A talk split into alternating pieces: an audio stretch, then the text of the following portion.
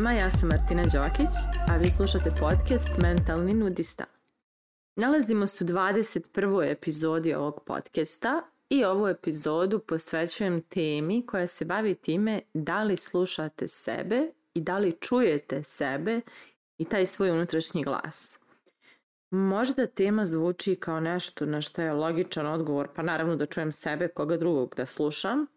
Međutim, e, prava tema koja se krije iza ovog imena jeste to koja je to centar, koji je to centar u nama koji slušamo primarno, odnosno koji je to neki vaš centar koji slušate i koji donosi odluke i koji upravlja vama i kojem dajete prioritet i primat u tome da odredi šta je dobro, šta je loše, šta je ispravno, šta je neispravno, šta je pametno, šta je glupo i tako dalje. E sad tu možemo da napravimo jednu neku metaforičku uh, paralelu između glave i srceta ili srca,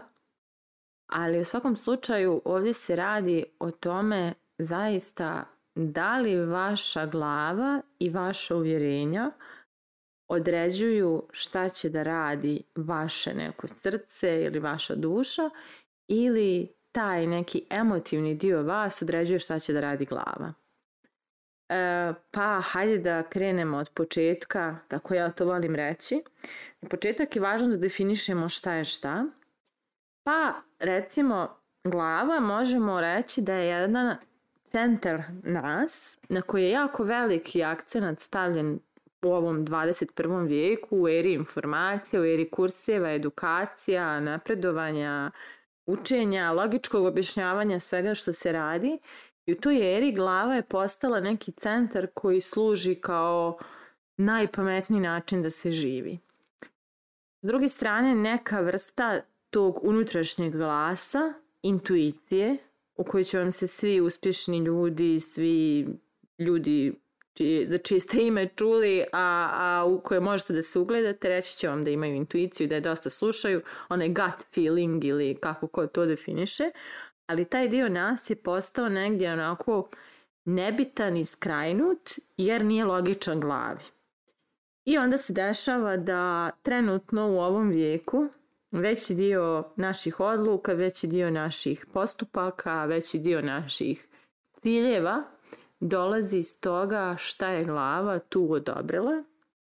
i šta glava smatra da je izvodljivo, šta je glava smatra da je moguće realizovati i šta glava uopšte dozvoljava da se desi. Međutim, velika mana tog pristupa je u tome što je glava doslovno ha, kako da je nazovemo, sredstvo, tehničko sredstvo za snalaženje u prostoru. Znači, naš um je tehnička sprava, logička, koja služi da pomogne, da prinesemo čašu u ustima, da se snađemo u prostoru, da se beremo brojeve i sklopimo slova. I ona je onaj dio koji je isprogramiran doslovno od trenutka kada smo došli na ovaj svijet i pripali nekoj zajednici u kojoj smo, je i ta zajednica svoja mišljenja, svoje ideje dobrog i lošeg, svoje ideje mogućnosti i nemogućnosti, um, granica,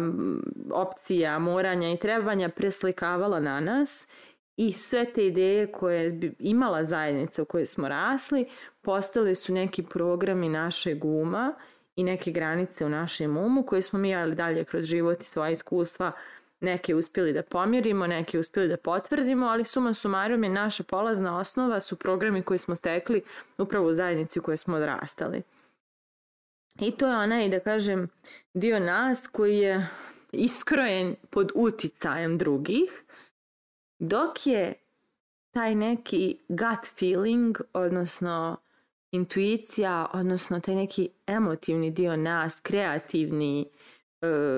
život, životna energija u nama i slično, to je ono što je potpuno neobjašnjivo bilo koje nauci, ali to je onaj dio nas koji je lično naš, autentično naš. I upravo se u ovom mentalnom svijetu dešava da su ljudi naučili da taj svoj unutrašnji glas koji ima neke ideje, ima neke težnje, ima neke perspektive, da taj dio uklapaju u mentalni dio, odnosno da to što jesmo mora da se uklopi u to što glava misli da je dobro, loše, ispravno, neispravno, moguće, nemoguće, pametno ili glupo i slično. Dakle, ovo doba je dovelo do toga da glava koja je programirana i koja je oblikovana pod uticajem okruženja u kojem smo stasavali, razvijali se i dan danas živimo, da ona određuje šta je u redu, a šta nije u redu da mi budemo, odnosno ko jesmo, ko nismo, ko treba i ko ne treba da budemo. S druge strane, taj unutrašnji glas je samo naš, autentičan, neponovljiv i on je neko, nekako ukačen na te naše životne vrijednosti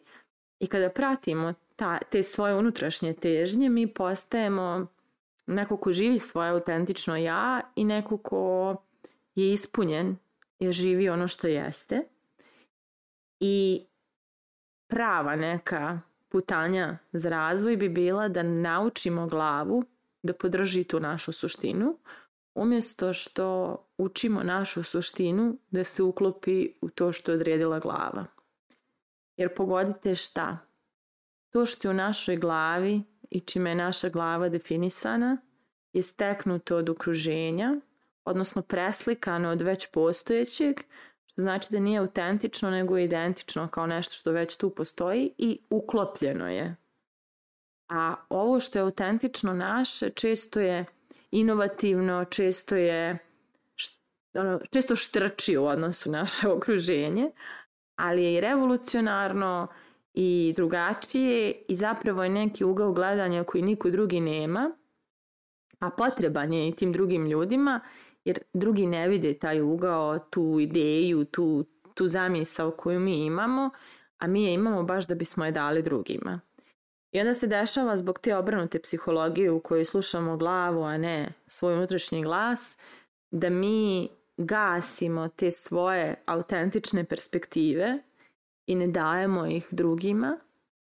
nego uzimamo od drugih njihove perspektive koje su opet oni uzeli od nekih drugih i uklapamo se da svi budemo isti i svi smo kao neki slijepci, gledamo tu tačku iz istog ugla i svi vidimo isto, umjesto da svako pogleda sa različite strane i došapne ovim drugima šta se tamo vidi iz te perspektive onda da svi imaju kompletnu sliku. Tako da to se dešava kada gušimo taj svoj unutrašnji glas, uskraćujemo prvo sebe, tog zadovoljstva da budemo jedna ispunjena osoba koja živi svoje vrijednosti i svoje autentično ja, a s druge strane uskraćujemo druge da i oni saznaju za taj ugao i tu perspektivu koju samo mi vidimo. Tako da mm, ja, na primjer, kroz svoje edukacije koje sam prolazila na NLP-u i kroz one koje ja predajem sada kao NLP trener, zapravo učim ljude da sklone iz sebe i svog sistema šta oni nisu, a naučeni su da treba da budu, šta oni ne moraju, a naučeni su da moraju, šta oni mogu, a naučeni su da u stvari ne mogu i šta oni zaista jesu i kako da to istaknu. I zapravo učim ih da svoja uvjerenja koja nose u glavi prilagode svojim vrijednostima koje, kako ja kažem, nose u duši. Tako da glava podržava suštinu, a ne da se suština uklapa u njihovu glavu. U ono što glava dozvoljava ili ne dozvoljava, jeli? Tako da, e, zanimljiva je to jedna igra za igrati kroz život. A moje pitanje za vas, za kraj ovog podcasta je da li vaša suština pokušava da se uklopi u vašu glavu ili učite svoju glavu da podrži vašu suštinu. Mislite o tome, a mi se družimo u narednoj epizodi.